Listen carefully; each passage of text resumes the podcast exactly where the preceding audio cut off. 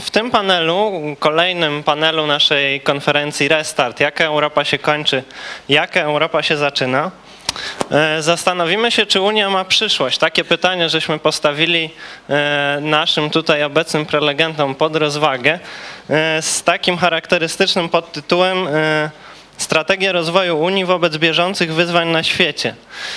Myślę, że w związku z tym pytaniem może pójdziemy kolejny krok dalej właśnie w odpowiedzi e, na to pytanie główne, jaka właśnie Europa się kończy, jaka się zaczyna.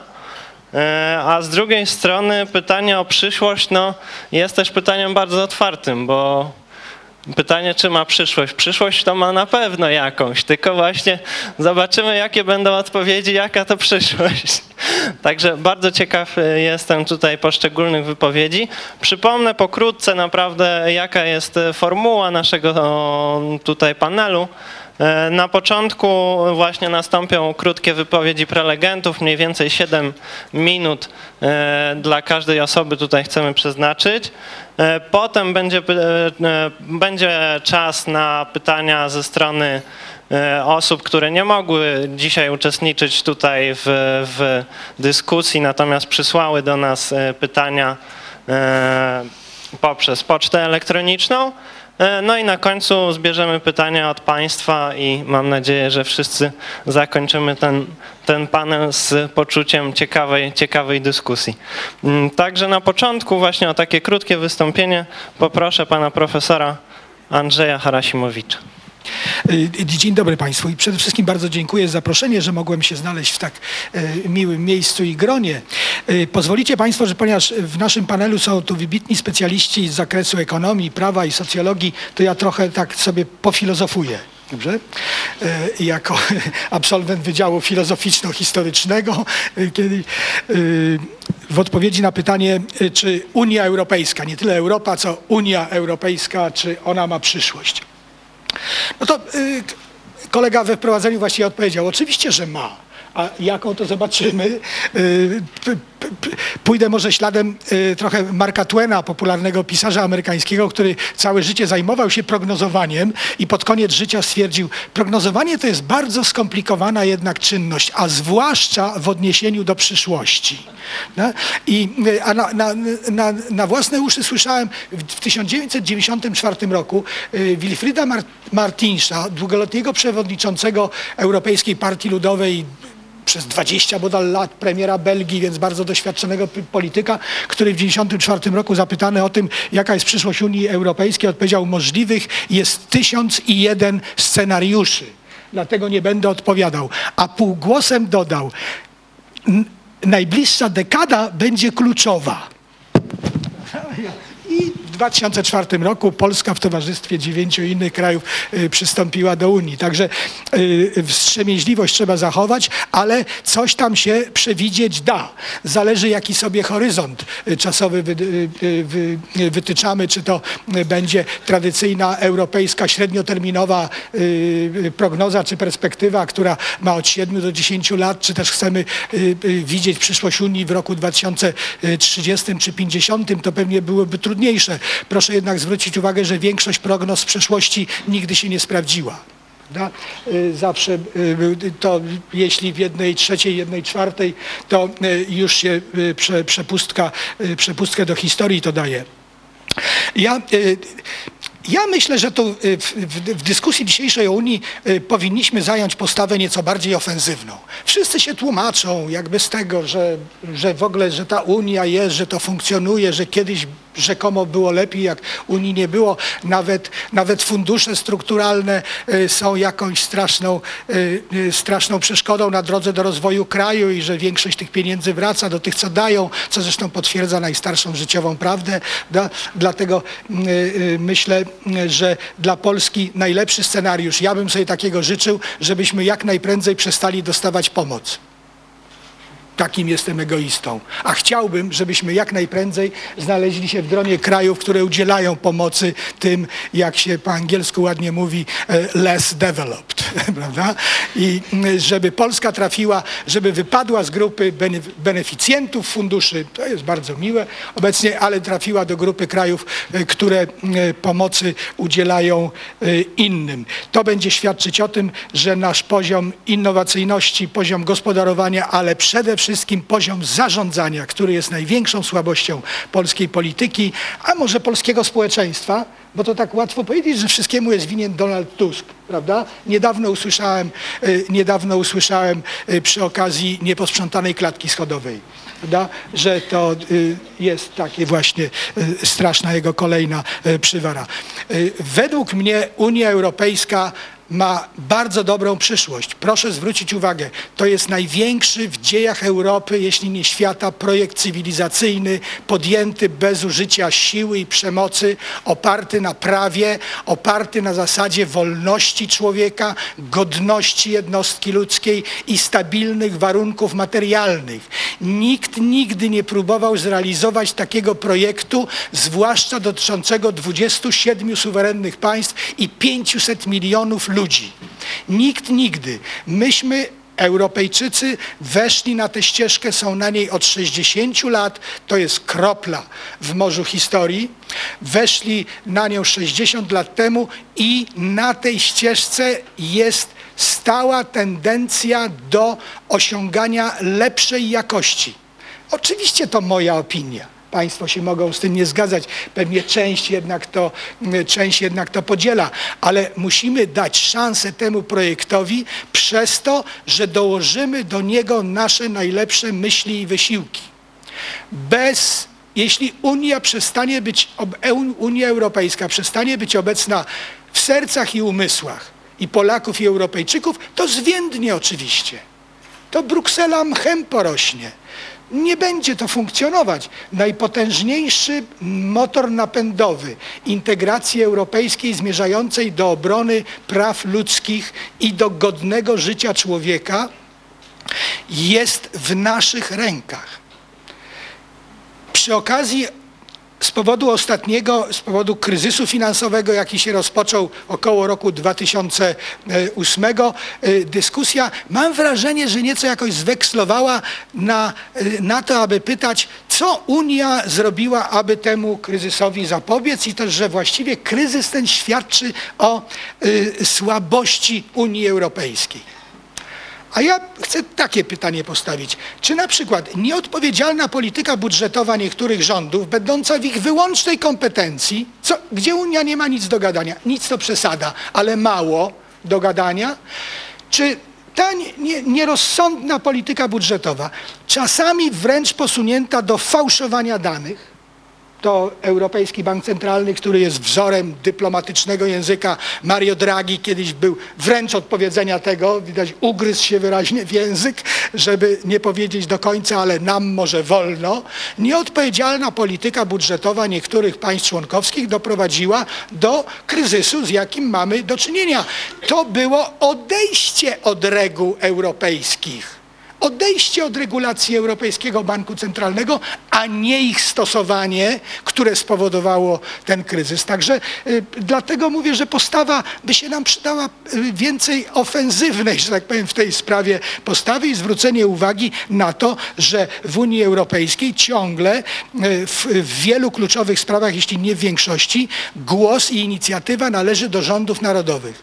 Dlatego przyszłość federalna Unii, czy dalsze postępy integracji europejskiej leżą głównie po stronie społeczeństw i rządów, to znaczy społeczeństw i rządów, jakie one potrafią y, sobie wybrać, że tak powiem, i zafundować.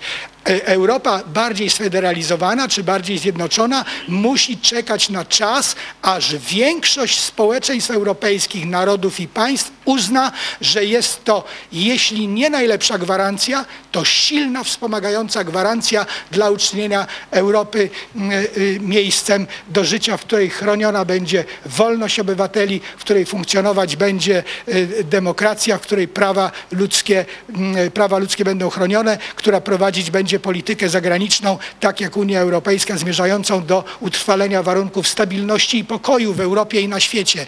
Wojny chcemy? Dla, poli, polityka wojenna jest efektywna, e, jest, jest efektowna. Poza pomijając to, że jest efektywna, jest efektowna, prawda? Zajmuje szpalty gazet, porywa nasze emocje da, i sumienia. Natomiast działalność pokojowa jest nudna, jest antymarketingowa. Najlepsze działania dyplomatyczne to takie, które zapobiegają wybuchowi konfliktów, o których się nigdy nie dowiadujemy. Dlatego Europa nam się wydaje nudna. Da? I polityka zagraniczna wydaje się nieefektywna. Tymczasem jest to potężne narzędzie. Miałem okazję rozmawiać z, no, z całkiem znacznymi politykami ze Stanów Zjednoczonych z innych światów, którzy mówili, że zaczynają odczuwać wyraźnie działanie Unii Europejskiej w skoordynowany sposób, tak zwany horyzontalny, prawda? z użyciem wszystkich dostępnych polityk, nie tylko klasycznej dyplomacji, wyraźnie zaczynają mm, odczuwać i zazdroszczą nam takiego pomysłu jak Europejska Służba Działań e, Zewnętrznych, która jest no, dla jednych kontrowersyjna. MSZ-y narodowe jej nie lubią. e, Na ogół oprócz tych kilku osób, które przechodzi do tej służby, prawda, e, głównie z powodu też pewnie bardzo wysokich zarobków. Ale krót, Tutaj się mój czas już trochę przekroczyłem, więc y, y, y, zakończę tym, co właściwie już mogli Państwo usłyszeć, że co Unię czeka w najbliższym okresie kilkunastu czy dwudziestu, trzydziestu lat? Ja to nazywam testem praworządności.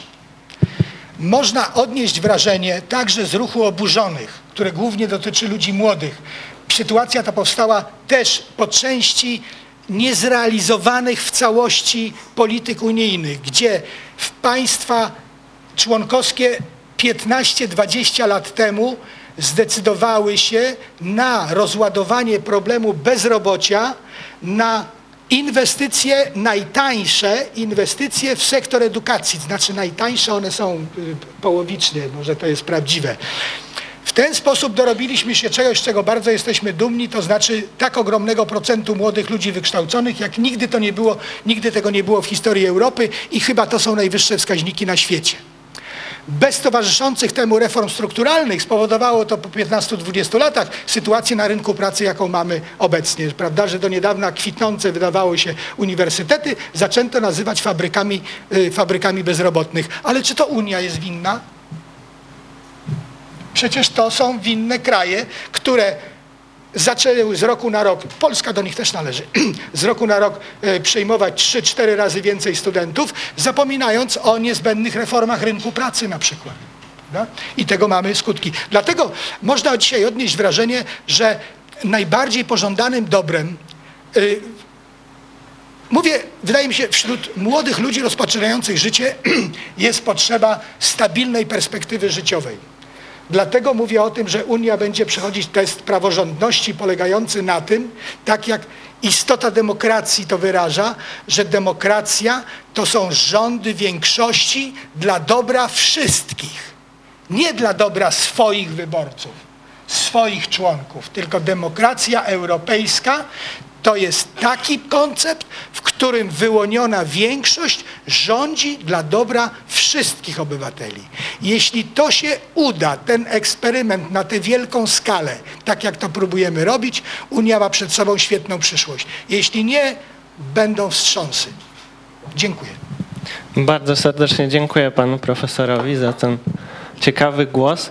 Eee, Myślę, że zawierający jednak w sobie podźwięk wielu właśnie takich emocjonalnych e, wartości europejskich, prawda? E, Co mnie bardzo cieszy. E, I też zarówno i diagnozy, i prognozy dla Europy udało się zawrzeć. Bardzo za to dziękuję. Mm, No i teraz przekazuję, przekazuję głos pani profesor Kaweckiej. Pytanie było pierwsze, czy Europa ma przyszłość? I oczywiście mówimy o tym, jaką ma przyszłość, bo jakąś na pewno. Chcę powie- zacząć od tego, od czego zaczął Myślę, że zupełnie świadomie pan profesor Harasimowicz, mianowicie Europa to nie Unia Europejska i pamiętajmy, ja osobiście staram się pilnować, żeby nie utożsamiać e, tego, bo z całą pewnością przyszłość Europy zależy e, w ogromnej mierze od przyszłości Unii Europejskiej, ale co najmniej kilka państw by się obraziło, gdybyśmy e, mówili, traktowali te dwa pojęcia jako synonimy. Jako ekonomista Myślę, że e, mogę śmiało powiedzieć, że przyszłość Unii Europejskiej zależy w dużej mierze w tej chwili od przyszłości strefy euro. E, I pewnie większość z nas się z tym zgodzi. Po pierwsze, dlatego, że najwięcej trudności w tej strefie euro występuje. W innych filarach ekonomicznych właściwie mamy mechanizmy zapewniające dość sprawne funkcjonowanie e, rynku i, i sektorów w gospodarce unijnej. E, I po drugie, właśnie w strefie euro mamy najwięcej nierozwiązanych dotychczas problemów, które wymagają e, naprawienia, skorygowania albo zmiany. Natomiast e, gdyby pan mnie wprost zapytał, co dalej ze strefą euro, co jest jednym z podpytań naszego panelu, to ja powiem, że ja nie wiem i myślę, że nikt nie wie, jak potoczy się nasza przyszłość. Natomiast wszyscy wierzymy, że oczywiście poradzimy sobie i nie dojdzie do załamania strefy euro, rozumianego na przykład jako wyjście któregoś z państw, czy też wypchnięcie któregoś z państw, no bo po prostu nie jest w stanie dalej funkcjonować w tym systemie. Trzeba pamiętać, że mówiąc o przyszłości i problemach strefy euro, y, od początku musimy mieć świadomość, że to był produkt bardzo ułomny. Po pierwsze ułomny dlatego, że sama konstrukcja powstała wtedy, kiedy niespełnione zostały podstawowe warunki, jakie teoretycy y, sformułowali, o tym profesor Nowak mówił, powołując się na profesora Mandela, mm, twórcę koncepcji optymalnego obszaru walutowego. Po drugie, same kryteria fiskalne zawarte w traktacie z Maastricht też nie są ze sobą spójne. Ekonomiści pokazują, że te kryteria mogą być spełnione tylko przy określonych założeniach. Nie mamy czasu, żeby wchodzić w szczegóły. E, Po trzecie, okazało się, że przyjęto pewne kryteria, ale tylko na wejściu po to, żeby stworzyć e, strefę wspólnej waluty. Notabene nazwę e, dodano chyba w 1995 roku dopiero euro, bo przez długi czas funkcjonowała jeszcze w traktacie z Maastricht EKI, dawna waluta. Okazało się, że warto pomyśleć, co będzie po utworzeniu tej Unii i w 1997 roku stworzono Pakt Stabilności i Wzrostu po to, żeby zapewnić dyscyplinę finansową także po utworzeniu Unii. No a później się okazało, że są jakieś zasady przyjęte, ale nie wszystkie państwa e, te zasady przestrzegają. I co więcej, gdy na początku XX wieku dwaj najwięksi gracze, i Francja, i Niemcy, odstąpiły od tych zasad.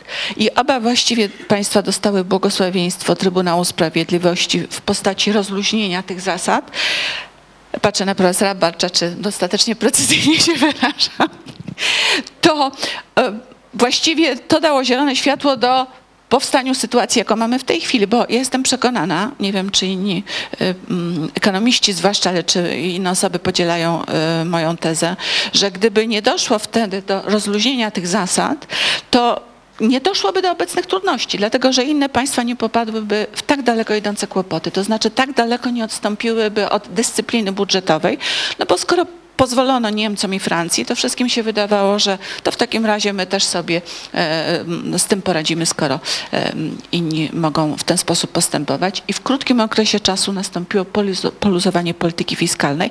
Oczywiście na to się nałożyły inne czynniki typu kryzys finansowy, i różne inne trudności, ale to był jeden z tych elementów, który do dzisiaj nie jest y, do końca rozwiązany, albo tylko częściowy, mianowicie, y, mianowicie y, zobowiąz- wiarygodność zobowiązań państw członkowskich.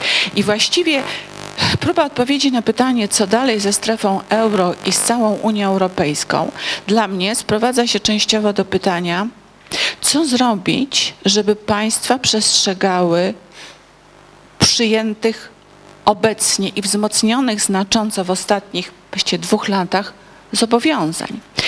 Bo chcę dodać, że pod wpływem trudności państwa członkowskie podjęły wysiłki, spóźnione oczywiście i jak to bywa w tak dużym gronie z mozołem wypracowane, ale zostały przyjęte rozwiązania, które pozwalają mieć nadzieję, że strefa euro nie tylko przetrwa, ale będzie funkcjonowała sprawniej w przyszłości. To jest słynny sześciopak. Ja rozumiem to, upraszczając sprawę, znów patrzę na profesora Balcza, że to są przede wszystkim rozporządzenia, które powinny być wiążące jednoznacznie dla państw członkowskich do przestrzegania, a jeśli nie, to jest wtedy rygor e, różnych działań w przypadku naruszenia prawa unijnego. E, Przede wszystkim dla członków strefy euro dziękuję, niestety. I po drugie przyjęto pakt stabilności, który wszedł w, z początkiem tego roku w życie, który idzie znacznie dalej, bo y, jako nieprawnik ja widzę jednak dwa przynajmniej ważne elementy, które powinny dyscyplinować państwa członkowskie. Bo potrzebna jest dyscyplina prawna, po to, żeby działać dobrze. Bez tego każdy próbuje wykorzystać sytuację we własnym interesie. No takie jest życie. O tym mówiliśmy zresztą wcześniej w innym kontekście. Czyli pakt stabilności wprowadza co najmniej dwa albo trzy elementy. Po pierwsze to odwrócone głosowanie w Radzie, które utrudnia e, przeciwstawienie się na przykład propozycji komisji do wprowadzenia kary finansowej w przypadku, gdy naruszone zostały e, rygory dyscypliny finansowej. Tam jest krótki czas na głosowanie w Radzie, a jednocześnie trudniej zebrać będzie większość. Po drugie, jest wzmocniona rola Trybunału Spra- Sprawiedliwości w nakładaniu kar. I trzecia rzecz najważniejsza, jak ja to obserwuję, bo tak sobie troszkę analizowałam, po raz pierwszy pojawiło się zobowiązanie, bo to jest traktatowe dla mnie zobowiązanie w umowie międzynarodowej do tego, żeby państwa, e, które przystąpiły do tego paktu stabilności, wprowadziły swoje wewnętrzne procedury zobowiązujące do przestrzegania dyscypliny finansowej, najlepiej w formie zobowiązań konstytucyjnych. Proszę zauważyć, że Polska była, ja nie wiem czy nie pierwszym krajem, które wprowadziło do konstytucji wymóg maksymalny długu publicznego 60% i wcześniej procedurę ostrożnościową. Później wprowadziły to Niemcy i chyba jeszcze jedno lub dwa państwa. Kilka w tej chwili dyskutuje takie procedury. Natomiast, natomiast Pakt Stabilności w moim przekonaniu dokładnie do tego samego prowadzi, mianowicie państwa, które przystąpiły do tego, zobowiązują się, że w swoim wewnętrznym prawie będą miały również takie zobowiązanie. Ja to odczytuję jako to, że niestety prawo europejskie jest za mało wiążące dla polityków państw członkowskich i potrzebne jest bardziej wiążące zobowiązanie ze strony prawa krajowego, które jest bardziej dyscyplinujące, bo pociąga za sobą bardziej bolesne kary dla polityków, no na przykład niewybranie w następnych wyborach. E, Albo postawienie przed Trybunałem Stanu, jak to jest e, możliwe w Polsce w, przypadku przekroczenia tej dyscypliny. E, Ja mówię o tym dlatego, że dla mnie i to jest e, może na tym etapie ten e, e, wniosek, a później jeszcze rozumiem, będzie okazja wrócić do innych wątków. E, Mianowicie, że naprawdę bardzo dużo, jakkolwiek z opóźnieniem, zostało zrobione w Unii Europejskiej, żeby usprawnić funkcjonowanie strefy euro. Przy okazji zrobiono dużo dla lepszego zarządzania gospodarczego, na przykład semestry europejskie i sposób ich oceny e, i zarządzanie, koordynacja polityki gospodarczej. E, Za wcześnie jeszcze pewnie na zbyt daleko idące oceny, ale to jest zalążek ściślejszej współpracy i takiego peer review systemu, który wymusza na państwach dostosowanie się do lepszych standardów innych państw, ale przede wszystkim te zobowiązania prawa unijnego i e, nadzieja, że państwa wprowadzą te zobowiązania fiskalne również do swojego prawa wewnętrznego i to stwarza przesłanki lepszego, sprawniejszego funkcjonowania strefy euro i mniejszego ryzyka powstania podobnych zakłóceń w przyszłości. Oczywiście są inne elementy, ale w tej chwili nie ma czasu, żeby o, ty, o nich mówić. Natomiast dla mnie, i to jest ten mój wniosek końcowy, kluczowe pozostaje to, na ile odpowiedzialne będą państwa, czyli politycy, żeby przestrzegać tego. Bo to, że mamy sprawniejsze prawo w żaden sposób nie samo w sobie nie gwarantuje jeszcze, że ono będzie lepiej wykorzystywane. I pytanie jest, co można by zrobić? Ja nie mam odpowiedzi na to. Co można zrobić, żeby y, to prawo było y, bardziej skutecznie przestrzegane w praktyce? Dziękuję bardzo. No myślę, że pani profesor właśnie dotknęła bardzo takiego istotnego problemu właśnie odpowiedzialności. Właśnie dla, dla całej przyszłości Europy i Unii Europejskiej, ale też myślę, myślę w kontekście społecznym odpowiedzialności i tu może będzie taka klamra kompozycyjna z profesorem Wieleckim, którego proszę teraz o głos. Dziękuję, będę się starał y, zrobić klamrę y, kompozycyjną, ale mam tylko 7 minut. Ja przez 7 minut to normalnie opowiadam dowcipy wprowadzające do wykładu, a mówię, muszę mówić półtorej godziny. Ja nie wiem, co to będzie, ale zobaczymy. Y, W każdym razie pytanie jest o to, o przyszłość Europy. Czy Europa ma przyszłość i czy Unia Europejska ma przyszłość? Jakąś na pewno tak, jak już wszyscy to stwierdziliśmy. Natomiast y, z podziału społecznego pracy tak się złożyło, że ja nie mam kryształowej kuli i nie potrafię jakoś precyzyjnie odpowiedzieć na pytanie, co będzie dalej. Natomiast wiem, że Europa jest, y, wspólna Europa jest projektem niezbędnym Europie przede wszystkim, a myślę, że też i światu. Dlaczego? Dlatego, że żyjemy w czasach globalizacji, jak wiadomo, y, co sprawia, że y, nie tylko w gospodarce, nie tylko na rynkach światowych, ale w ogóle y, małe podmioty nie mają wielkich szans. Znaczy, że na tym globalnym rynku, który, na którym coraz bardziej energicznie wchodzą globalne podmioty, małe państwa, a nawet średnie, takie jak e, Polska, po prostu nie mają szansy. Nie mają szansy ekonomicznie, ale także nie mają szansy chronić swojej kultury. Ja pamiętam, jak była ta dyskusja, czy Polska powinna wstępować do e, Unii, czy nie. Wtedy to jeszcze nie była Unia, tylko jako, to, to e, część Polaków bało się o kulturę. Czy nasza kultura, nasza tożsamość kulturowa, czy ona nie straci czegoś, yy, czy my nie stracimy jej, do, dokładnie rzecz biorąc, gdy wstąpimy do tej Unii. Otóż ja, mnie się wtedy wydawało, że to jest zupełne odwrócenie pojęć, dlatego że nie widziałem sposobu, w jakim państwo, naród tej wielkości co my, może uratować przed tą zglobalizowaną kulturą swoją własną tożsamość kulturową. Bo ta zglobalizowana kultura, ona także, to jest ta kultura masowa, którą widzimy, to jest ta kultura tego kaczora Donalda z hamburgerem w dziobie. No, I z lalką Barbie pod pachą. I co może uratować? Znaczy, kultura masowa ma charakter y, nowotworowy. Ona rozrasta się, wchodzi w, w zdrową tkankę, wy, niszczy ją i wypełnia. Jak można uratować swoją tożsamość kulturową y, w, w sytuacji, w której wszystko skłania do tego, żeby nie czytać książek, nie chodzić do teatru i tak dalej? Musimy powiedzieć, że Polska ma tu jedne z najgorszych wskaźników nie tylko w Europie, ale w całym cywilizowanym świecie. Więc wtedy także się zastanawiałem, jaką to tożsamość y, kulturową y, ci zaniepokojeni chcieliby chronić.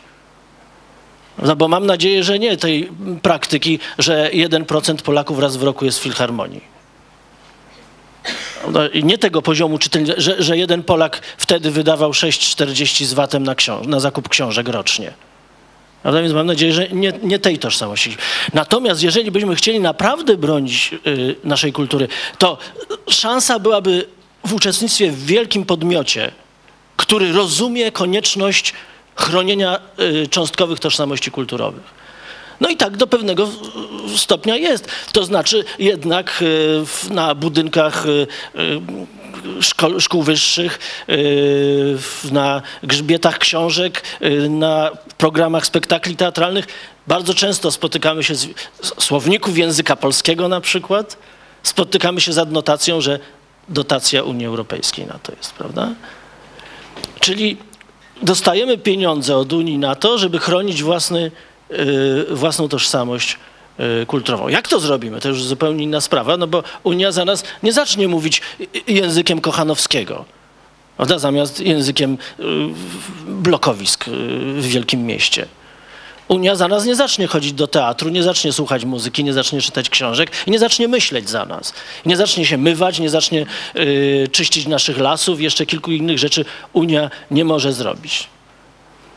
Y, tak więc z jednej strony Unia jest potrzebna Polsce, ale ona jest potrzebna także i pozostałym krajom europejskim. Dlaczego powtórzmy?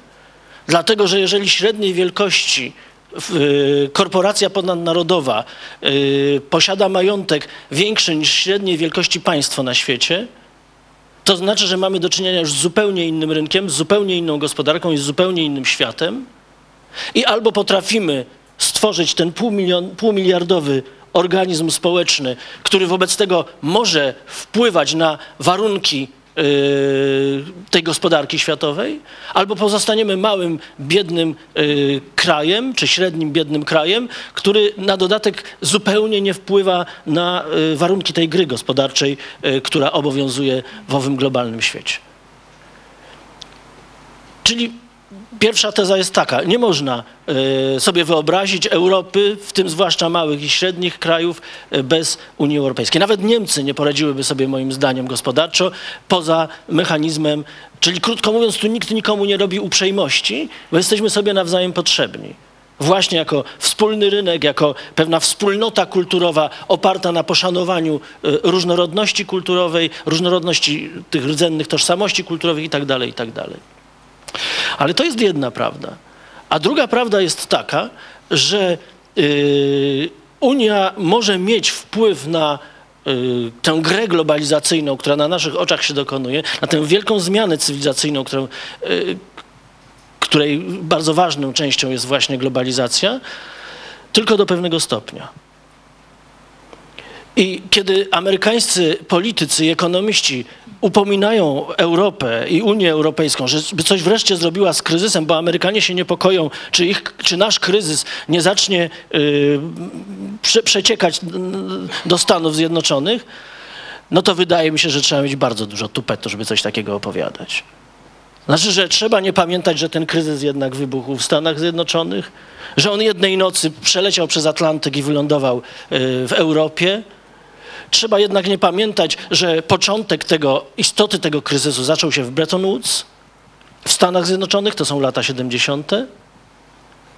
I że rzeczywiście wiele trzeba by naprawić w gospodarkach y, europejskich, włącznie z tą rozrzutnością, o której mówił y, Andrzej, ale trzeba pamiętać, że takie reguły gry bankowej na przykład nie są rdzennie europejskie. Natomiast do pewnego stopnia my musimy dostosować się. Prawda? Już nawet w Polsce część przedsiębiorstw przestawała cokolwiek produkować, bo po co jak mogła pieniądze yy, lokować i, i, i, setki procent zysku mieć od niczego. Prawda? Czyli uprawiać tę wirtualną, ale to nie Europa wytworzyła tę globalną, wirtualną gospodarkę, choć w dużej mierze jej uległa oczywiście.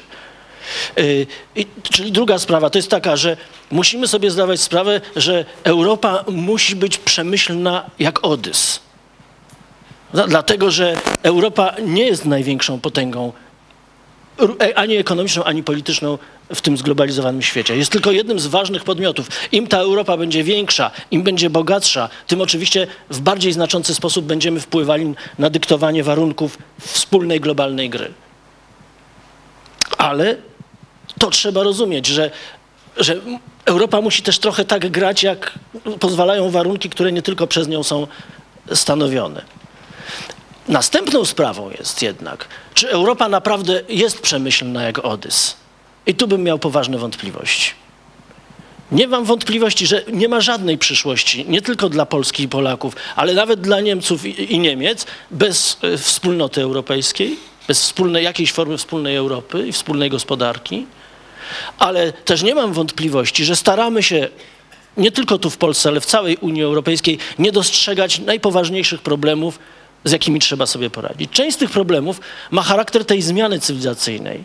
Tak jak w XIX wieku, kiedy wchodził w grę na, na, scenę światową industrializm, zmieniło się wszystko włącznie z modelem rodziny, tym, y, co kobiety myślą o sobie, a co myślą o mężczyznach i na odwrót a nie tylko przecież zmieniło się to, że po prostu nagle przemysł y, y, wyparł y, rolnictwo z dominacji ekonomicznej. Tak i teraz jesteśmy świadkami wielkiej zmiany cywilizacyjnej, w której jakaś nowa ekonomia, mniej więcej już wiemy jaka, wypiera tradycyjną, ale to oznacza zmiany we wszystkich wymiarach. Więc kto chce chronić na przykład tożsamość kulturową, to się musi dobrze zastanowić, co on chce chronić, bo wszystkiego się uchronić nie da ale bez poważnej debaty, bez poważnej rozmowy, bez poważnego namysłu, w tym również ogólnie europejskiego, co jest, gdzie są te rezydua kulturowe, które trzeba chronić koniecznie, bo bez nich nie ma tożsamości, a bez tożsamości w ogóle nie istniejemy, a co właśnie musi ulec zmianie, bez takiej rozmowy przyszła Europa będzie wynikiem przypadku, oby szczęśliwego. Otóż rzecz polega również na tym, że y, ten y, kryzys cywilizacyjny wytwarza bardzo specyficzny kryzys ekonomiczny, którego nie można sprowadzić wyłącznie do przyczyn i mechanizmów gospodarczych, ponieważ on ma charakter cywilizacyjny. Y, Można powiedzieć, że trzeba było nie przyjmować do Unii Europejskiej państw, czy do, zwłaszcza do strefy euro państw, które nie spełniały warunków. Ale wtedy Unia Europejska mogłaby istnieć tylko na Marsie, ponieważ żadne z państw, dosłownie żadne z państw nie spełniały w pełni kryteriów z Maastricht. No, w związku z czym jest pytanie, czy szansą Europy jest Europa państw bogatych, które już są cywilizowane, y, czy przez przypadek nie takiej Europy, jaką ona jest, to znaczy i z biednymi, i rozrzutnymi, i z bogatymi, i przezornymi, i oszczędnymi, oszczędnymi czyli po prostu taka Europa, jaka jest, musi się razem bronić w tych procesach zmiany cywilizacyjnej wobec tych procesów y, globalizacji. A tu są także państwa, które rzeczywiście sobie nie radzą. Teraz jest pytanie, czy wobec tego Unia Europejska wytwarza mechanizmy, które rzeczywiście wyrównują dystanse. No więc jednak nie. Z całą pewnością, kto opowiada, że Polska, nie wiem, straciła na Unii albo nic nie zyskaliśmy na Unii, no to jest oczywista nieprawda. To, to wystarczy wziąć rocznik statystyczny i, i, i, uderzyć się w głowę i przestać opowiadać takie rzeczy. Tym rocznikiem najlepiej.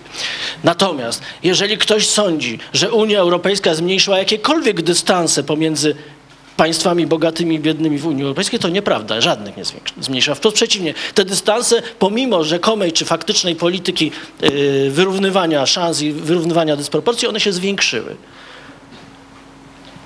Jeśli można, panie profesorze, prosić o fin- finalizowanie. No właśnie, odpowiedzi. y, tak. I, I finał jest taki, że jeżeli w, y, prognozy pokazują, że w 2060 roku y, Dania będzie musiała przeznaczać y, 60% PKB na emerytury, bo taką sytuację demograficzną mamy, a Polska 100%, a Rumunia 110%, to oczywiście mamy do czynienia z y, science fiction, no, jakimś sociological i economical fiction, ponieważ socjologicznie rzecz biorąc można powiedzieć, nie można sobie wyobrazić społeczeństwa, które więcej niż 40% PKB przeznacza y, na emerytury, a wprost przeciwnie, nawet i 40% to oznaczałoby niezwykły, niezwykły ferment, wyhamowanie dynamiki rozwojowej gospodarki itd., itd. Ale jeżeli wszystkie tendencje demograficzne się utrzymają, to tak będzie właśnie. A 2060 rok, pani profesor się e, upominała o procesy długiego trwania, one są takie średniego trwania, ale 2060 rok to nie jest jakiś abstrakcyjny termin, tylko to jest termin, w którym nasi studenci będą przechodzili na emerytury. Więc rozmawiamy jak najbardziej o zupełnie realnych sprawach. A możemy powiedzieć tak, nigdy nie dojdzie do takiego 2060 roku, ponieważ wcześniej nastąpi kataklizm. Oby go nie było, jeżeli nic nie zmienimy. Chcę pokazać tylko na jednym przykładzie, że to są sprawy zasadniczo niby pozaekonomiczne. Ale nie można sobie wyobrazić powodzenia ekonomicznego Unii Europejskiej bez rozwiązania na przykład problemów kultury, bez rozwiązania problemów y, demografii i wielu, wielu innych. Krótko mówiąc, Europa ma przyszłość, tym lepszą, im lepiej zrozumie bardzo dramatyczne jednak czasy, w jakich żyjemy, naturę tego dramatycznego, tej dramatycznej zmiany cywilizacyjnej, tej, tego dramatycznego kryzysu, nie tylko ekonomicznego, w jakim jesteśmy, i jeśli nie zacznie solidarnie i mądrze myśleć, nie tylko w kategoriach takich, czy jak na przykład byśmy zrobili klub y, inteligentnych, y, zdrowych i pięknych, y, to czy by nam nie było łatwiej, y, a, a, a tych, co y, łysieją i y, na zdrowiu nieco podupadli, czy by nie wykluczyć z tego klubu, ponieważ tak naprawdę potrzebujemy siebie wszyscy. Tak naprawdę szansą dla Europy jest również Rosja w tej Europie, i Ukraina, i Turcja, i tak dalej. Oczywiście zdaję sobie sprawę z tego, że to jest szansa, ale bardzo trudna, na której można się przewrócić. Nie, nie, jestem, tutaj, nie jestem tutaj zwolennikiem yy, jakichś łatwych recept, ale jedno wiem, że w tym globalnym świecie albo będziemy razem i wtedy mamy szansę sobie poradzić, a jak sobie poradzimy, to zależy od naszej inteligencji, przezorności i przemyślności, albo sami raczej żadnych. Dziękuję bardzo. Bardzo dziękuję za wypowiedź. Ponieważ goni nas czas, od razu oddaję głos panu profesorowi Barczowi. Proszę Państwa, ja w zasadzie podzielam e, taką, takie pozytywne podejście moich przedmówców do, do przyszłości Unii Europejskiej, chociaż szczerze mówiąc jestem, e, byłbym bardziej, czy jestem bardziej stanowczy w tej, w tej ocenie, ponieważ uważam, że Unia Europejska ma przyszłość i nie widzę, szczerze mówiąc, alternatywnych projektów, które by e, mogły zapewnić Europie funkcjonowanie w globalnym świecie jako poważnego partnera poza Unią Europejską. Poszukiwanie innych koncepcji to jest powrót do jakiejś formuły koncertu mocarstw ze skutkami, które bardzo dobrze znamy e, z przeszłości. Problem oczywiście polega na tym, czy potencjał jaki tkwi w tym projekcie, zostanie przez Europejczyków, w tym również przez Polskę wyczerpany. I to oczywiście stoi do dyskusji, jest, jest niestety e, problemem e, otwartym. Zacznę krótko od diagnozy stanu obecnego, bo uważam, że tutaj jest dużo nieporozumień i, i podkreślić chciałbym, czy zacząć chciałbym od tego, że, że wszelkie wieści o rozpadzie i śmierci Unii są przedwczesne, jak to się mówi, dlatego że jak Państwo tak popatrzycie porządnie, czym się Unia zajmuje i co do tej pory zrobiła, to to całkiem dobrze funkcjonuje. Popatrzcie Państwo na rynek wewnętrzny. Rynek wewnętrzny jako biznes ekonomiczny funkcjonuje bardzo dobrze. To jest 20% produktu krajowego brutto światowego. E, Nieprzypadkowo obecnie finalizowane czy sfinalizowane zostały rozmowy o utworzeniu strefy wolnocłowej z Kanadą. W tym roku prawdopodobnie ze Stanami Zjednoczonymi. Jeżeli to będzie funkcjonować, to Unia Europejska, każde z państw członkowskich zyska gdzieś do jednego Jeśli tylko mogę prosić bliżej mikrofon, jednego punktu się, procentowego. PKB. To jest wielkie przedsięwzięcie ekonomiczne. Jeżeli byście Państwo chcieli jakiemukolwiek przedsiębiorstwu, które działa transgranicznie, powiedzieć, żeby wystąpiło ze wspólnego rynku, to by przedsiębiorcy takiego polityka utrupili, dlatego że to jest wielki biznes i ułatwienie dla podmiotów gospodarczych. Jak Państwo popatrzycie, jak działają polityki sektorowe, to, co mnie interesuje najbardziej, przestrzeń wolności, bezpieczeństwa i sprawiedliwości, jest bardzo konsekwentne obudowywanie rynku wewnętrznego uzupełniającymi politykami, z dyskusjami oczywiście, bo trudne sprawy, polityka energetyczna, ochrony środowiska czy inne, kosztowne, ale to zaczyna funkcjonować. Jeżeli popatrzymy więc na diagnozę obecną, to chciałem Państwu zwrócić uwagę na jedną rzecz, która e, też mogę się tutaj we własne piersi bić. E, W ramach naszej debaty, a kilka osób tej sieci na sali, które brały w tym udział w okresie przedakcesyjnym, okołoakcesyjnym, na które nie zwracano uwagę, czy uwagi, to to, że członkostwo w Unii, czy udział w Unii nakierowany jest przede wszystkim czy umacnia przede wszystkim podmiotowość e, przedsiębiorstw gospodarczych, podmiotów gospodarczych jednostek. Dlatego, że podmioty gospodarcze zyskują potężny mechanizm ochronny również przed głupotami, jakie wyczyniają ich własne państwa. A jednostka działa na całym obszarze ze znacznie mocniejszym statutem. No to statusem, to, to co Państwo odczuwacie, ja moim studentom zawsze przypominam, jeżeli mówicie o Unii, to mówicie o tym, że możecie się spokojnie, bez kłopotów przemieszczać w ramach tego obszaru. To jest Unia Europejska.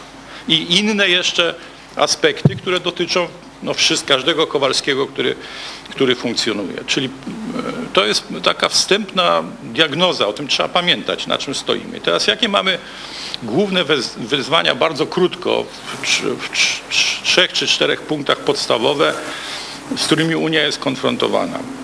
Pierwsza sprawa, która mnie osobiście e, jako prawnika zajmującego się strukturą Unii zajmuje, to jest kwestia zachowania spójności Unii. To, że się Unia wewnętrznie zróżnicuje, to nie jest, proszę Państwa, nic nowego. No, ci, którzy się tym zajmują od dobrych 10 lat, a najpóźniej od e, sfinalizowania trzeciego etapu strefy euro, kiedy zaczęło, za, zaczął funkcjonować ECOFIN, później Eurogrupa wskazywali, wskazywali, że się przesuwa centrum decyzyjne w ramach Unii Europejskiej. I wskazywali też na to, że oczywiście wejście do strefy euro to jest konieczność spełnienia kryteriów konwergencyjnych przygotowania ekonomicznego, ale to jest również, a nie wiem czy nie przede wszystkim, wejście do centrum decyzyjnego tego całego interesu. I te zaskoczenie, czy te problemy, które Państwo w ostatnich dwóch latach, czy w ostatnim roku obserwujecie, dyskusje, gdzie będziemy i tak dalej, nie są niczym nowym. To, to, był, to, był, to, był, to był proces, który trwał już co najmniej kilkanaście lat i który koniecznie trzeba brać, trzeba brać pod uwagę. Który koniecznie trzeba brać pod uwagę.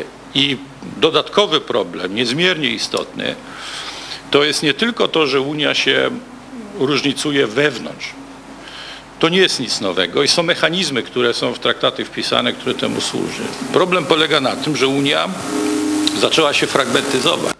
Czyli są tak duże różnice poglądów między państwami członkowskimi i jednocześnie tak mocno zdeterminowana grupa państw najmocniej rozwinięta, rozwinięta że jest zdecydowana pójść dalej, jeżeli inne państwa członkowskie się po prostu do tego projektu nie będą podłączać. Mam na myśli tutaj strefę euro, właściwie część państw strefy euro. Dla mnie, szczerze mówiąc, jakakolwiek dekompozycja strefy euro, która by polegała na jej rozpadzie, w grę nie wchodzi, bo to jest za duży interes, za dużo pieniędzy w to włożono i jeżeli, proszę Państwa, ktoś prze, przeznacza na, na programy ratunkowe, no więcej niż 700 miliardów euro. To nie wyrzuca tych pieniędzy w błoto, tylko uważa, że to są pieniądze, które będą dobrze zainwestowane, że leży to w jego, w jego, w jego interesie. I problem, jeżeli Państwo popatrzycie na, na programy, jakie obecnie leżą na stole konsolidacji i sanacji strefy euro, za tym stoi bardzo mocne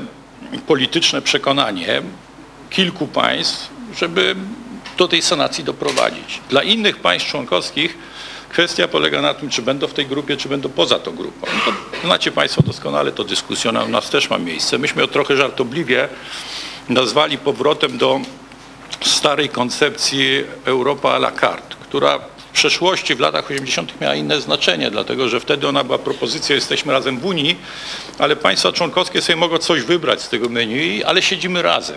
Obecnie to znaczy co innego, dlatego że strefa euro w swoim programie, te najbardziej, najbardziej wydolne państwa członkowskie, mówi mamy menu. Kto przystępuje jest z nami. Co oznacza, że kto to zaakceptuje i wejdzie do, do, do tych reform planowanych, ten będzie siedział przy tym jednym stole. Inni sobie coś innego wybiorą, ale będą siedzieli przy innych stołach zupełnie. I to jest rzeczywiście dylemat podstawowy dla państw członkowskich, też takich państw jak, jak Polska. Druga sprawa to jest utrzymanie tempa rozwoju rynku wewnętrznego, który nieźle funkcjonuje, ale to nie wystarcza. Podstawowym problemem jest pogłębienie liberalizacji. Tutaj nie chcę chleba zabierać pani profesor Kaweckiej-Wyżykowskiej, ale wszyscy o tym wiemy. Żeby rynek wewnętrzny się dalej rozwijał, potrzebna jest przede wszystkim liberalizacja sektora usług, zwłaszcza pozafinansowych, bo tu jest 70% PKB. Czyli liberalizacja tego sektora jest niezbędna. Jednocześnie są różnice polityczne. Politycy są też pod presją swoich wyborców ochrony rynku pracy i sytuację mamy taką, jaką mamy, ale trzeba znaleźć rozwiązanie polityczne, to jest zadanie dla polityków, jak do tego, do tego doprowadzić. I oczywiście sprawą bardzo istotną jest sanacja sytuacji w strefie euro, tylko trzeba zawsze pamiętać o tym, że ten kryzys nie jest kryzysem waluty euro jako takiej, która ma się całkiem nieźle, jest problem, problemem ekonomicznym w kilku państwach członkowskich i stworzeniem mechanizmów, które będą zapobiegać takiej sytuacji. I to, co mamy, proszę Państwa, teraz na stole i bardzo zachęcam Państwa do zajrzenia do komitetu, do komunikatu komisji z listopada ubiegłego roku, to jest w końcu zwarty program działań reformatorskich. Można się zastanawiać, czy one będą wcześniej czy później zrobione. Mogą być przesunięcia, natomiast osobiście jestem przekonany, że ten program zostanie zrealizowany i zakończy się to tak zwaną rzeczywistą Unią gospodarczą i walutową w oparciu o Unię bankową i Unię polityczną niezdefiniowaną, niedodefiniowaną jeszcze. Trzecie wyzwanie strategiczne, niezmiernie istotne, które my rozumiemy dobrze, to jest kontynuacja strategii rozszerzenia. W zasadzie tylko w nowych państwach członkowskich, a powiedziałbym, że w Polsce przede wszystkim, jest zrozumienie dla kontynuacji tej, tej strategii. Natomiast w szeregu państw w tym w tych największych, takich jak Francja, Niemcy, czy innych płatnikach netto, Austria, nastawienie jest delikatnie mówiąc bardzo, bardzo wstrzemięźliwe. Z drugiej strony też trzeba pamiętać, że tam, gdzie jest to konieczne, to Unia decyzje odpowiednie podjęła. Mam na myśli przede wszystkim kontynuację strategii rozszerzenia w stosunku do państw Bałkanów Zachodnich. Trzeba sobie, proszę Państwa, jasno uświadomić, że to jest projekt polityczny, za który wszyscy będziemy musieli go kofinansować przez wiele lat, ale odpowiedź też jest brutalna i myślę, że nie ma innej, dlatego że nie ma innego projektu politycznego, który by doprowadził do trwałej stabilizacji w tym regionie, który jeszcze kilkanaście lat temu był przedmiotem no, po prostu konfliktu zbrojnego z morderstwami, ze wszystkim co, paskudnym, co tam się działo. Czyli tutaj naprawdę Unia Europejska potrafiła na to zareagować. Chorwacja, jeżeli wszystko pójdzie dobrze, będzie wkrótce kolejnym państwem członkowskim. Natomiast wszyscy też dobrze wiemy, że wyzwania duże, strategiczne, wiążące się w ogóle ze strategią Unii Europejskiej jako tego dużego gracza w skali globalnej, dotyczą objęcia Unią również Turcji w perspektywie dalszej Ukrainy. No wystarczy popatrzeć na mapę, żeby zdać sobie sprawę z tego, że bez członkostwa Turcji e, Unia nie będzie w stanie odgrywać porządnej roli politycznej, znaczącej w skali globalnej. To samo będzie dotyczyć przyszłego członkostwa e, Ukrainy. Nieprzypadkowo głosy czy głos, który napomina Unię od dawna, kontynuujcie strategię rozszerzenia, pobrzmiewa z, za oceanu, ze Stanów Zjednoczonych. Nawiasem mówiąc, zwróćcie Państwo uwagę, że również upomnienia najostrzejsze, weźcie się w końcu za strefę euro, skonsolidujcie strefę euro, zróbcie coś z tym, też nadchodzą ze Stanów Zjednoczonych, dlatego że jeszcze parę słów o tym, na ten temat na zakończenie powiem, dlatego że Stany Zjednoczone potrzebują porządnego, solidnego partnera do podejmowania decyzji i wykonywania w skali, w skali globalnej. Yy, I ostatni punkt, do którego chciałbym się odnieść, to jest tożsamość polityczna Unii Europejskiej, czyli Unia jako poważny gracz w skali globalnej. Nawiążę tutaj do e, Zbigniewa Brzezińskiego, który w połowie lat 90. określił Unię jako pasożyta politycznego. E, stwierdzając, że mm, Unia jest jako ten duży partner niewydolna, czy chciałaby dyskutować o poważnych decyzjach, natomiast jak przychodzi do ich wykonywania, to nie ma nic do zaoferowania. To jest za słaba. Jeżeli Państwo sięgniecie do ostatniej u nas opublikowanej książki Brzezińskiego, polskie tłumaczenie wyszło parę tygodni temu, to odnotowuje tutaj nie postęp, a regres, czyli wskazuje, że Unia Europejska czy Europa, która była centrum Zachodu, obecnie jest takim dodatkiem do Stanów Zjednoczonych, czyli sama nie jest w stanie oddziaływać na, e, na e, decyzje w skali, w skali, w skali globalnej. Odnotowuje też, jakie są konsekwencje tego, które Państwo łatwo możecie zidentyfikować. Po pierwsze, e, zaczęły występować zróżnicowania w ocenach czy w nastawieniach geostrategicznych największych państw członkowskich. Czyli łatwo zauważyć, że Wielka Brytania próbuje iść swoją e, drogą, Francja, Niemcy szukają pewnego powrotu do specjalnych stosunków z Rosją, co my odczuwamy e, bezpośrednio. Po drugie, wystąpił nie tyle post, nawet nie postęp, ale bardzo wyraźny regres w działaniach dotyczących zapewnienia zbiorowego bezpieczeństwa, również w odniesieniu do NATO. Też Państwo to łatwo w dyskusjach polskich możecie zauważyć, w których często się poszukuje gwarancji bezpieczeństwa nie w Sojuszu Północnoatlantyckim, a raczej w umocnieniu bilateralnych relacji ze Stanami Zjednoczonymi. I trzecie, trzecia taka najpoważniejsza konsekwencja z tym związana to jest rewitalizacja nastawień populistycznych i antyunijnych czy antyeuropejskich, też ze wszystkimi, ze wszystkimi konsekwencjami. E, co w związku z tym? Ja muszę powiedzieć, że bardzo ciekawe e, e, u Brzezińskiego było też wskazanie na, na potencjał, jaki tkwi w Unii Europejskiej. Począwszy od tego, że jak myśmy tu zresztą też to wszyscy odnotowali, jest to najpoważniejszy projekt polityczny dotyczący kontynentu europejskiego, który konkurencji poważnej nie ma, poprzez wskazanie na potencjał transformacyjny w dziedzinie przemian ustrojowych, zapewnienia demokracji i rozwoju gospodarki rynkowej. I Brzeziński przytacza tutaj nie bez przyczyny państwa naszego regionu, nowe państwa członkowskie na czele z Polską. E, I wskazuje, że ten potencjał rozwojowy powinien być przez Unię wykorzystany. Żeby te cztery obszary, których, e, do których się odniosłem, one mogły funkcjonować, czyli krótko mówiąc, żeby ten duży projekt polityczny Unia Europejska wykorzystał potencjał, jaki w nim tkwi, potrzebna jest strategia długofalowa e, i wizja długofalowa, a tej nie ma.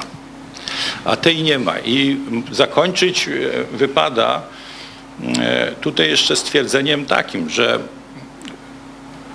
diagnoza, jako Państwo często słyszycie i czytacie, że Unia czy proces integracji europejskiej rozwijał się od kryzysu do kryzysu. To znaczy Unia sobie, wspólnoty sobie radziły z kryzysami równie ciężkimi jak ten, który jest teraz na różnych etapach i że ten kryzys, te kolejne kryzysy były takim punktem e, odbicia do, do powstania nowych projektów.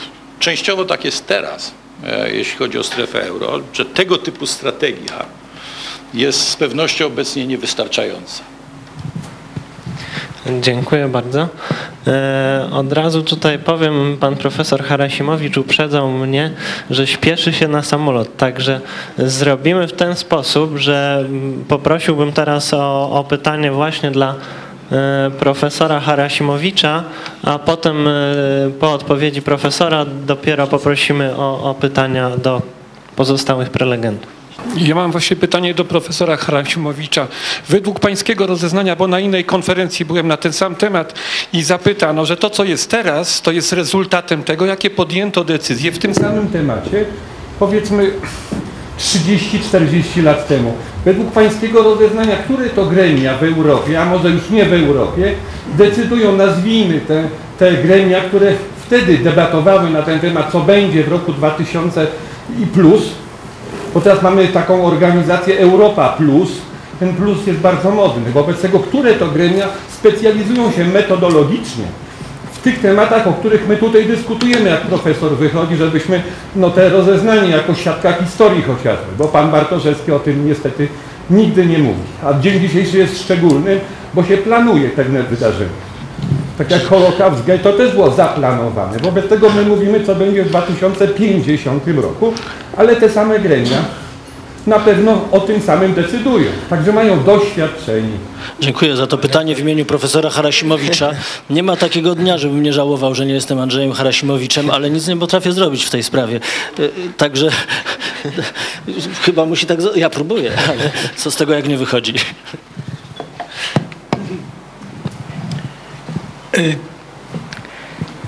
Te gremia to każdy rozpoznaje właściwie na trochę są, pokazywanie ich palcem raczej powoduje podziały dalsze niż prowadzi do jakiejś e, konkluzji. Ja myślę, w przypadku Unii Europejskiej to na niedostatek myślenia strategicznego zaczął jako pierwszy zwracać uwagę długoletni szef Komisji Europejskiej Jacques Delors, który w tym celu powołał tak zwaną cellule de prospective, czyli komórkę do spraw planowania y, perspektywicznego, czy do, tak słucham, pan chciał coś sprostować?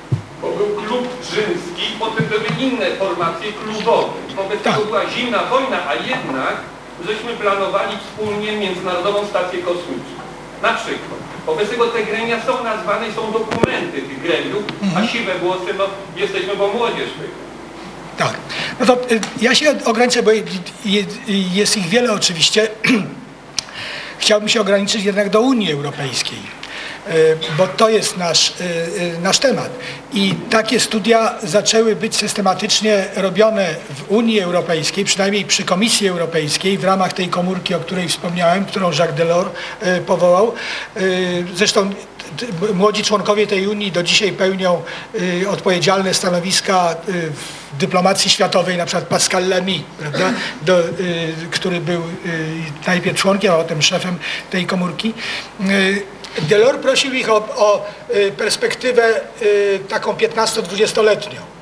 I jak, jak się czyta dzisiaj z perspektywy, to ci, ci ludzie y, to, trochę y, wróżki. Wróżki, tak? Bo oni dosyć precyzyjnie przewidzieli y, potrzebę na przykład utworzenia wspólnej polityki zagranicznej, bezpieczeństwa, powstanie jednolitej waluty, potrzebę y, dokończenia y, wtedy jednolitego rynku, a potem y, y, g- dalszej liberalizacji tego rynku. Także ta jednostka na, na, poziomie, y, na poziomie unijnym się sprawdziła, ale żaden z kolejnych przewodniczących Komisji Europejskiej nie miał już tego zapału.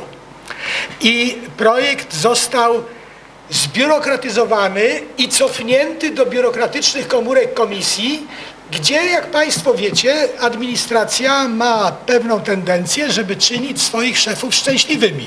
Prawda? Bo od nich zależą ich pensje, ich awanse, więc co szefowie chcieli, to usłyszeli. Da?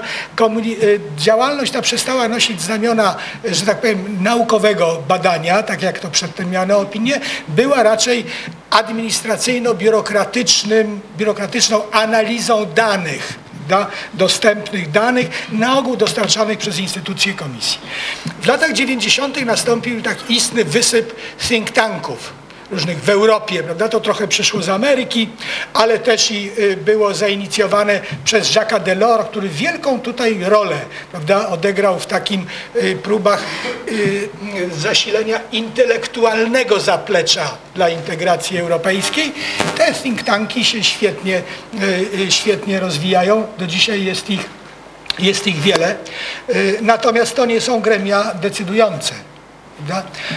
Które to są gremia decydujące, no to jak Państwo wiecie, no dyskusja na ten temat pełna emocji trwa od y, setek lat, prawda? I wskazuje się czasem na grupowania typu y, y, masonerii, prawda? Czasem jakieś mafijne, czasem bankowo-finansowe, czasem jest to lobby żydowskie, prawda? Czasem jest to ormiańsko jakieś, prawda?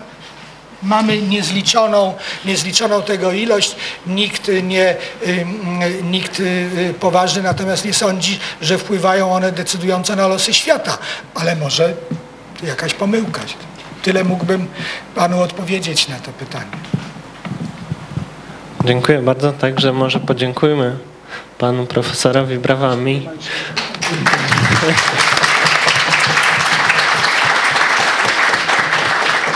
Bardzo dziękuję i teraz zbierzemy pytania dla, dla pozostałych e, prelegentów. Także proszę bardzo. Ja mam pytanie tak naprawdę do wszystkich chyba prelegentów, bo tutaj dużo mówiliśmy o takich strukturalnych rozwiązaniach, a ja mam właśnie pytanie trochę może jeszcze powiązane z poprzednim panelem, czyli o wartości, które ta nowa Europa, ta Europa przyszłości powinna sobie stawiać. Wydaje mi się, że, że taki problem dzisiejszy jest e, taki, że trochę zużywa się ten paradygmat rozwoju, że ten dążenie do pogłębiania integracji e, gospodarczej i czerpania z niej zysków e, nie wystarczy, żeby zaoferować jakąś wyraźną przyszłość tej Europie. I chciałbym się spytać Państwa, co może zastąpić właśnie te, te, te wartości. Anna Czepel, Instytut Stosunków Międzynarodowych UW. Ja mam takie e, dwa pytania. Pierwsze do pani profesor Kaweckiej-Wyżykowskiej. Wspomniała pani, że e, gdyby, mm, gdyby nie dopuszczono do poluzowania przestrzegania kryteriów z Maastricht, to nie doszłoby do takich, takich problemów em, fiskalnych, jak obecnie są. A ja mam takie pytanie, czy w ogóle można było nie dopuścić, czy w ogóle byłoby to e, możliwe, e, żeby państwa nie łamały tych kryteriów z Maastricht, e, gdy weźmie się pod uwagę różny mm, poziom rozwoju gospodarczego mm, krajów członkowskich strefy euro, różnice między południem tak zwanym a północą, y, a także różne podejście do polityki gospodarczej tych państw. Natomiast moje drugie pytanie dotyczy, mm, y, y, może skieruję zarówno do pani profesor Kaweckiej-Wyżykowskiej, jak i do pana profesora Wielskiego, bo porównując państwa wystąpienia, nasunęło mi się takie, takie skojarzenie, że mm, trwa debata, czy Unia Europejska mm, powinna być, y, powinna mieć bardziej wymiar gospodarczy, czy taki y, polityczny, mm, kulturowy.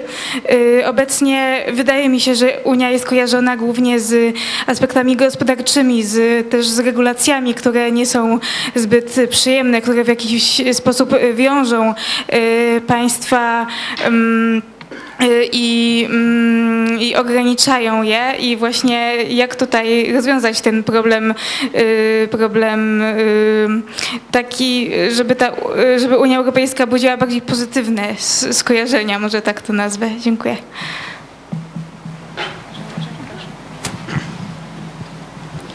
Dzień dobry, nazywam się Krzysztof Bańka.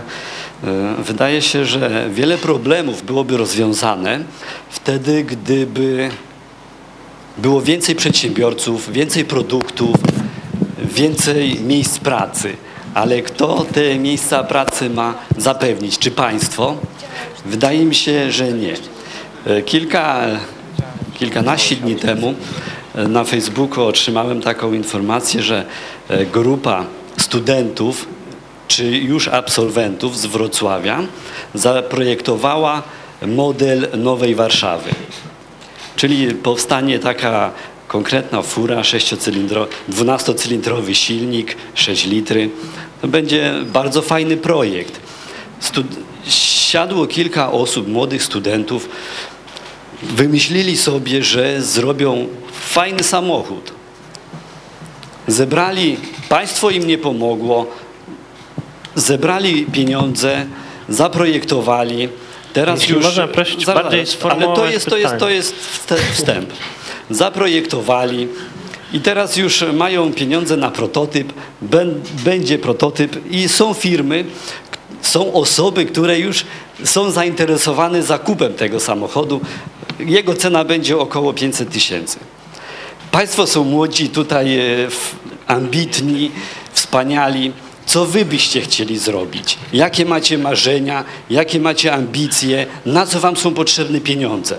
Jeśli mógłby pan Macie- przejść do pytania do prelegentów. E, Właśnie, właśnie, ale dla, dla Państwa. Państwo są wybitnymi naukowcami. Jak uczyć młodzież, żeby to byli tacy projektanci jak ci z Wrocławia?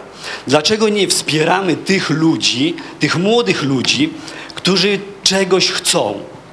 Ja od kilku lat czegoś chcę i nikt mi nie chce w tym pomóc. I prawdę mówiąc, jako jeszcze nie tak młody może już człowiek, naprawdę nie rozumiem. I jeśli mówiąc Dziękujemy- o Europie, dziękujemy bardzo za największą pytanie. wartością w Europie jest kultura Dziękujemy- europejska, a dziękujemy bardzo. nikt o tym nie mówi. Dziękuję. Bo chcemy też usłyszeć odpowiedzi na, na to i inne pytania. Także, także oddaję głos, może zacznijmy od profesor Kawecki. Dziękuję. Nie wypowiadam się na temat wartości, bo nie czuję się tutaj specjalistką, a to, co mam do powiedzenia, zajęłoby więcej czasu i tego nie mamy. Natomiast pytanie Pani dotyczące, czy było w ogóle możliwe y, uniknięcie łamania prawa. Y, Oczywiście, że było możliwe, tylko potrzebna była do tego moi, moim zdaniem no, odpowiednia wola polityczna, której zabrakło. Natomiast ja rozumiem w podtekście y, Pani pytania, wątpliwości, czy tak zróżnicowane państwa i o tak zróżnicowanej sytuacji mogą uniknąć takiej sytuacji, zwłaszcza obecnie. Po pierwsze, mamy inną sytuację niż była e, no niecałe 10 lat temu, kiedy Pakt Stabilności tworzono, w 97 e, więcej, mamy już lat, więc jest zupełnie inna i, i, i trudniej w tej chwili to osiągnąć. A po drugie, Cały czas e, coś robiliśmy, żeby zmniejszyć ryzyka i e, myślę, że jest e, tyle różnych rozwiązań prawnych, które pozwalają wcześniej podjąć działania, żeby poprawić e, sytuację na przykład fiskalną i nie dopuścić do tych kryzysów. Krótko mówiąc, ja myślę, że, że cała istota problemu w Unii jednak sprowadza się między innymi do tego, żeby tę dyscyplinę zapewnić i uwzględnić no, y, koła ratunkowe, jakie zostały rzucone chociażby w, postaci Funduszu Stabilności, jaki został tutaj wymieniony. E, To jest to pierwsze pytanie. Natomiast y, pytanie y, pana dotyczące na co wydawać pieniądze, pomysłów pewnie konkretnych jest dużo. Ja się nie zgodzę z tym, że nie pomagamy tym, którzy mają dobre pomysły, może e, za mało, może nie wszystkim, e, może nie zawsze. Mm, i Może nie zawsze wiemy również, jak to robić, te pieniądze dawać, czy tylko tworzyć dobre warunki y, uruchomienia na przykład y, nowej technologii produkcji. Natomiast wszystkie pomysły dobre oczywiście można rozważać i w tej chwili jest świetna okazja, bo będą czy są już dyskutowane programy wykorzystania unijnych środków na następne 7 lat, więc wszystkie pomysły można zgłaszać, żeby jak najlepiej one w praktyce zostały y, wykorzystane. Y, Dziękuję. Trzy, trzy sprawy w- odpowiedzi na te pytania. Y, Pierwsza jest taka, mamy tutaj jednak pewną sprzeczność opinii. Y, Z jednej strony jest taki projekt bardzo ekonomiczny, bardzo w duchu chyba jednak neoliberalny. To znaczy, że uważamy, że potrafimy określić warunki brzegowe przynajmniej, których spełnienie gwarantuje efektywność gospodarczą. No i kto ich nie spełnia, no to nie trzeba go brać na pokład, bo potem będzie za ileś lat kryzys y, finansowy, a kto spełnia, no to bardzo ładnie. Tylko chcę powtórzyć, że wtedy, kiedy strefa euro była tworzona, żaden z, żadne z państw, y, również tych najbogatszych, nie spełniało w pełni tych kryteriów, a pozostałe tym bardziej nie. W związku z tym musimy się umówić, czy projekt wspólnej Europy był projektem cudownym, który otworzył zupełnie nową perspektywę, który w każdym razie nie ma żadnej konkurencji i dzięki któremu i w y, y, Bośni i Hercegowinie jest pokój, bo to jest prawda, y, i w, wszyscy cywilizacyjnie postąpiliśmy. Jeżeli tak, to trzeba to było zrobić. Jeżeli prawdą, prawdziwa jest ta diagnoza, to trzeba było zacząć z takim stanem gospodarczym państw, jakie były. I oczywiście dzisiaj płacimy jakieś, jakąś cenę za to. No albo trzeba było czekać, aż również Niemcy, Francja i Wielka Brytania spełnią y, wymogi z Maastricht, czyli prawdopodobnie nigdy. No, no to tu się trzeba na coś zdecydować. Albo tak, albo tak. Albo słusznie wtedy podjęto taką decyzję. I cały ten projekt wymaga dzisiaj korekty, ale nie było wyboru. I tak zawdzięczamy mu wiele. Albo grzech pierworodny jest tam, no to rozwiążmy Unię, poczekajmy aż wszyscy spełnią, y, 27 państw spełni kryteria. No to jest oczywiście political fiction, prawda? I to jest, to jest pierwsza sprawa. Ale ona wiąże się z pewnym sposobem myślenia, który moim zdaniem jest główną przyczyną tego, że Unia nie radzi sobie dzisiaj, już nie mówiąc o Polsce, z tym kryzysem, w jakim jesteśmy. Że nie potrafi nawet głęboko zrozumieć przyczyn tego kryzysu. To, co chciałem powiedzieć we wcześniejszym wystąpieniu, ale ściśnięty tą perspektywą 7 minut, y, na pewno zrobiłem to nieudolnie, bo za dużo naraz. Chciałem powiedzieć, to jest to, że cały problem tego kryzysu jest o wiele głębszy niż tylko ekonomiczny. Że to jest problem tak i wartości, i pewnej koncepcji tego, co to jest dobre życie, a co jest złe życie, pewnej wizji przyszłości, czy wizji państwa, wizji gospodarki. Tego właśnie brakuje w Europie. Ale to nie jest rzeczą przypadku, że tego brakuje. Yy, tak, rzeczywiście. Na przykład Klub Rzymski opracował cały szereg raportów, które się sprawdziły prawie że idealnie. W szczegółach nie. Właściwie nic dzisiaj się takiego strasznego nie dzieje, czego nie moglibyśmy wywnioskować na podstawie kolejnych raportów klubu y, rzymskiego. Więc co prawda nikt nie potrafi przewidywać przyszłości, no ale na tyle potrafi rozsądnie o niej rozmawiać, że wtedy, że, że się okazuje, że jednak główne tendencje tak. Gdybyśmy poważniej potraktowali te raporty klubu rzymskiego i uczone gremia mądrych ludzi usiadły i kontynuowały to dzieło, dostarczając jakiś też porad, jak można kształtować gospodarkę, kulturę, wszystko w zasadzie, to pewnie dziś bylibyśmy w innym miejscu. Otóż dowcip polega na tym, że yy, ten kryzys, który zaczął się w połowie lat 70. tak naprawdę, a nabrzmiał dopiero w latach 90., że ten kryzys jest wynikiem właśnie pewnej, pewnej kurzej ślepoty, czy też pro, programowej niechęci do myślenia głębiej i z głębszym oddechem. I moim zdaniem to jest y, wynik przyjęcia takiej, nazwijmy to filozofii w cudzysłowie, bo to nie jest filozofia, tylko quasi filozofia, takiej neo, takiego radykalnego, neoliberalnego y, poglądu opartego na takim skrajnie rozumianym rozumie technicznym, rozumie instrumentalnym. Taka wiara, że wszystko da się przewidzieć, że wszystko można sparametryzować, a następnie yy, wprowadzić mechanizmy, które. A, a, a głównie, jeżeli się tylko zostawi wolny rynek samemu sobie, to on wszystko wyreguluje i y, mężczyźni nie będą łysieć, a kobiety zachowają wdzięki bezpretensjonalność, w ogóle będzie cudownie. Już nie mówiąc o tym, że z gospodarką będzie wszystko wspaniale. No ale właśnie to zobaczyliśmy, że opierając się na tych mechanizmach, gospodarka dochodzi. Tu jest przecież przyczyna tego światowego kryzysu. Nie, że ktoś wydawał za dużo. Poza tym, jeżeli wydawał za dużo, czemu wcześniej z tym czegoś nie zrobiono? W 2005 roku ukazuje się w The Economist y, artykuł pokazujący rozmiary bańki spekulacyjnej na rynkach nieruchomości. A przecież bańka spekulacyjna na rynku nieruchomości to jest tylko jeden z przyczynków do zrozumienia istoty tego kryzysu, którego przyczyny były o wiele, wiele wcześniej. To do, dopiero skutek odroczony, jakby przebiera się miarka i, on, i, i następuje faza otwarta, rozlana tego kryzysu. Ale przecież mechanizmy tego kryzysu to można doskonale pokazać, jak narastają o wiele wcześniej. Czemu nikt nie był w stanie tego zrozumieć? Prawda? Jeżeli ja słyszę w moim radio we wrześniu 2008 roku profesora, wybitnego profesora ekonomii, przez miłosierdzie nie powiem jak się nazywa, i wybitnego praktyka, żeby nie było, że taki zakręcony teoretyk, który pytany przez dziennikarkę, czy ten kryzys potrwa długo, przypomnijmy, jest wrzesień 2008 roku, odpowiada, że nie, że szybko.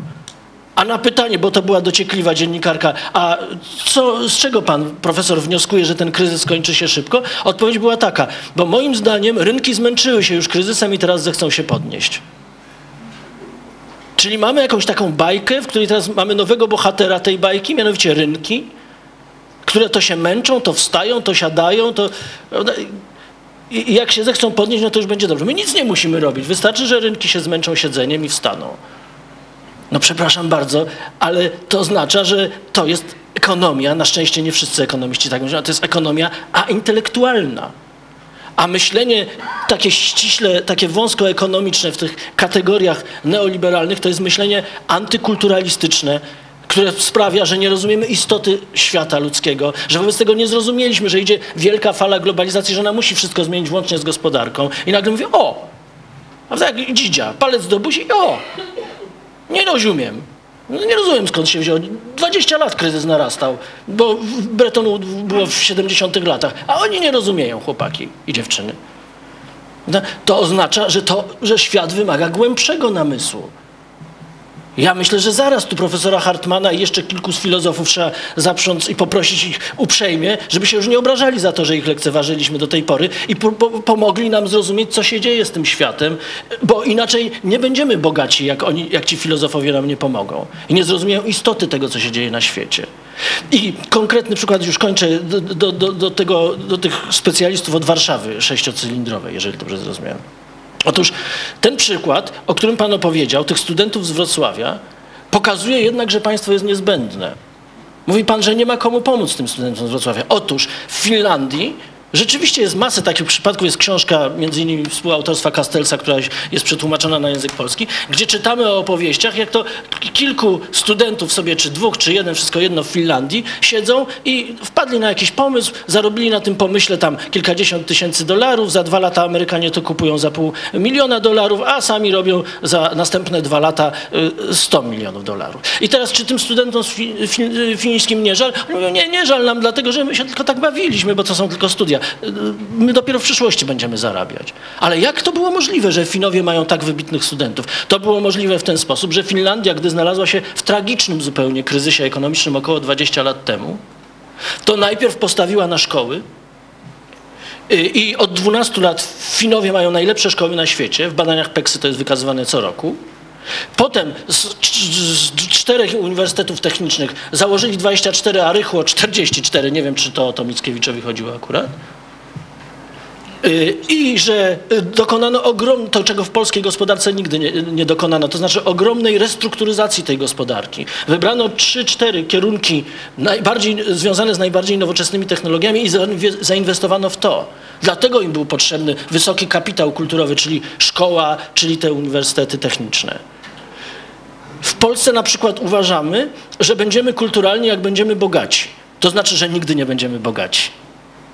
Ponieważ nie jest możliwe, żeby człowiek, który nie myje nóg, nie chodzi do teatru, nie czyta książek i nie kształci się na przyzwoitym poziomie, żeby on nagle nie wiadomo czemu był pracowity, innowacyjny y, i, i człowiek, który nie leczy zębów, bo nie ma gdzie i za co, żeby ten człowiek nagle wymyślił jakiś fajny pomysł i znalazł sposoby, był przedsiębiorczy, czyli znalazł sposoby, jak to sfinansować, wdrożyć w życie i tak dalej. Te najnowocześniejsze technologie wymagają społeczeństwa o bardzo wysokim kapitale kulturowym. Jeżeli nie ma tego kapitału kulturowego, nie będzie tej nowoczesności. Będzie się okazywało, że w Polsce są setki, a może tysiące cudownych wynalazków, tylko nie ma kto ich wdrażać.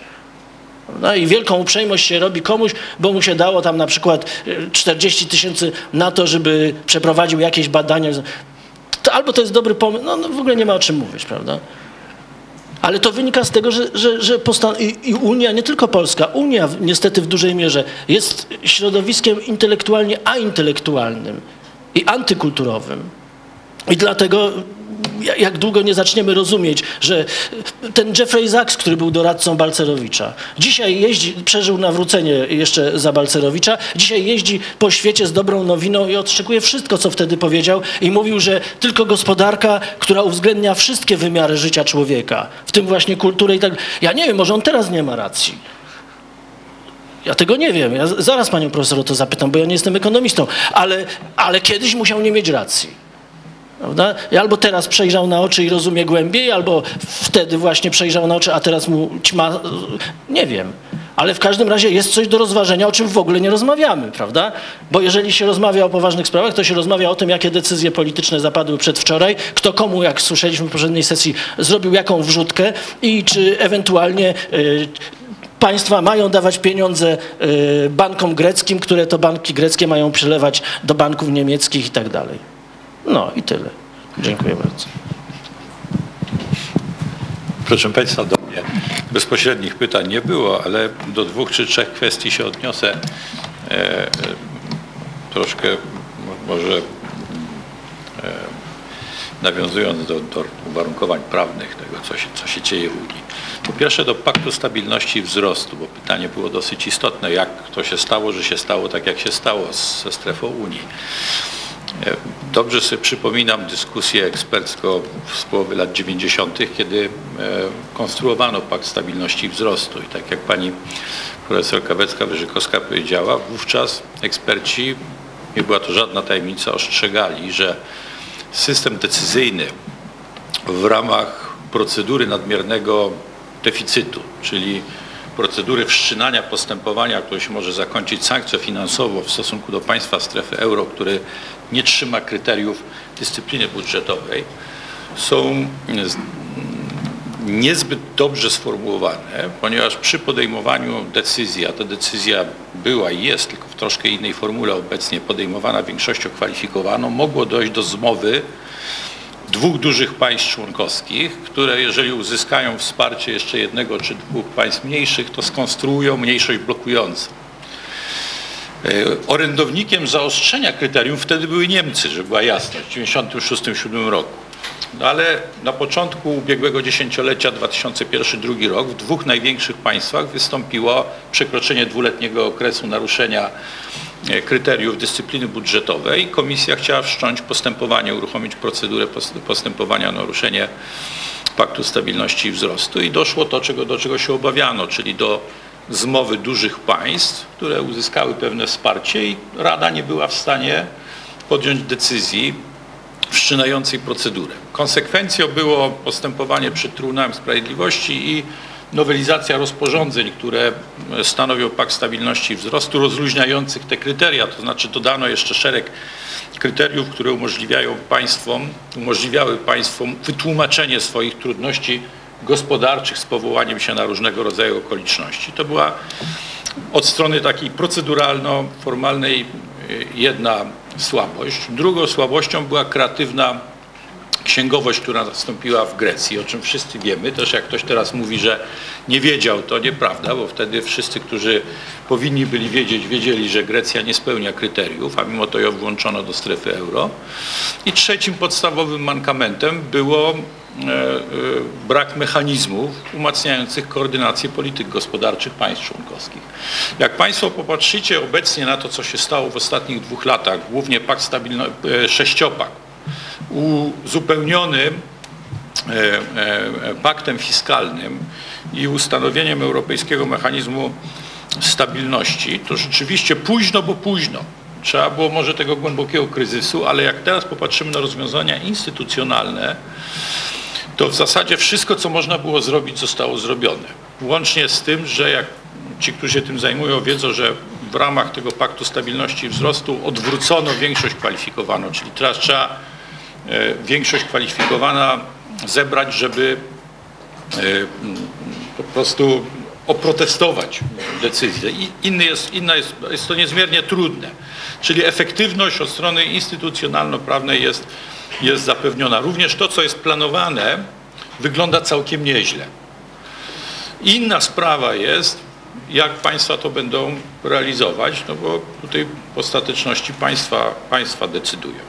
Również e, to, co w najbliższych miesiącach się e, zostanie przyjęte, tak zwany dwupak, e, łącznie z sześciopakiem zapobiegają kreatywnej księgowości i mamy też instrumenty, które powinny efektywnie zbliżać ze sobą gospodarki państw członkowskich strefy euro. Mówimy tutaj o strefie euro. Więc tutaj nie można, że powiedzieć, zarzucić, można zarzucać, że późno, ale mechanizmy, które zostały wypracowane ostatnio są całkiem niez, niezłe. To jest pierwsza moja uwaga. Druga, tutaj było mm, trafne pytanie jednego z Państwa o mechanizm decyzyjny. To, co trzeba dodać od strony, od strony takiej no, prawno-proceduralnej. No, pamiętajmy o tym, że Unia jest skupiskiem państw członkowskich, jest wspólnotą państw członkowskich.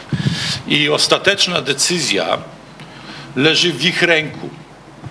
Czyli trzeba się przyglądać stanowiskom państw członkowskich i ona, to nie jest prosta suma tych stanowisk, ale na różnych poziomach one wypracowują kompromis i wszystko, co się w Unii pojawia, jest wynikiem kompromisu między państwami członkowskimi. Dla mnie, muszę powiedzieć panu, najistotniejszym problemem, czy najistotniejszą sprawą z punktu widzenia państwa członkowskiego jest posiadanie strategii europejskiej. Dlatego, że wtedy państwo jest w stanie wpisać swoje interesy długofalowo w proces decyzyjny w Unii Europejskiej, który nie trwa dwóch tygodni, i nie trwa jednego roku. To jest przy podejmowaniu aktów prawnych to jest co najmniej dwa lata, a w większości przypadków te decyzje rodzą się w przestrzeni kilkuletniej, więc e, e, problem zaczyna się rzeczywiście wtedy, jeżeli państwo członkowskie nie ma strategii, nie wie czego chce i później nagle się budzi gdzieś w końcowym etapie procesu decyzyjnego i próbuje decyzję zastosować. Wtedy jest to bardzo trudne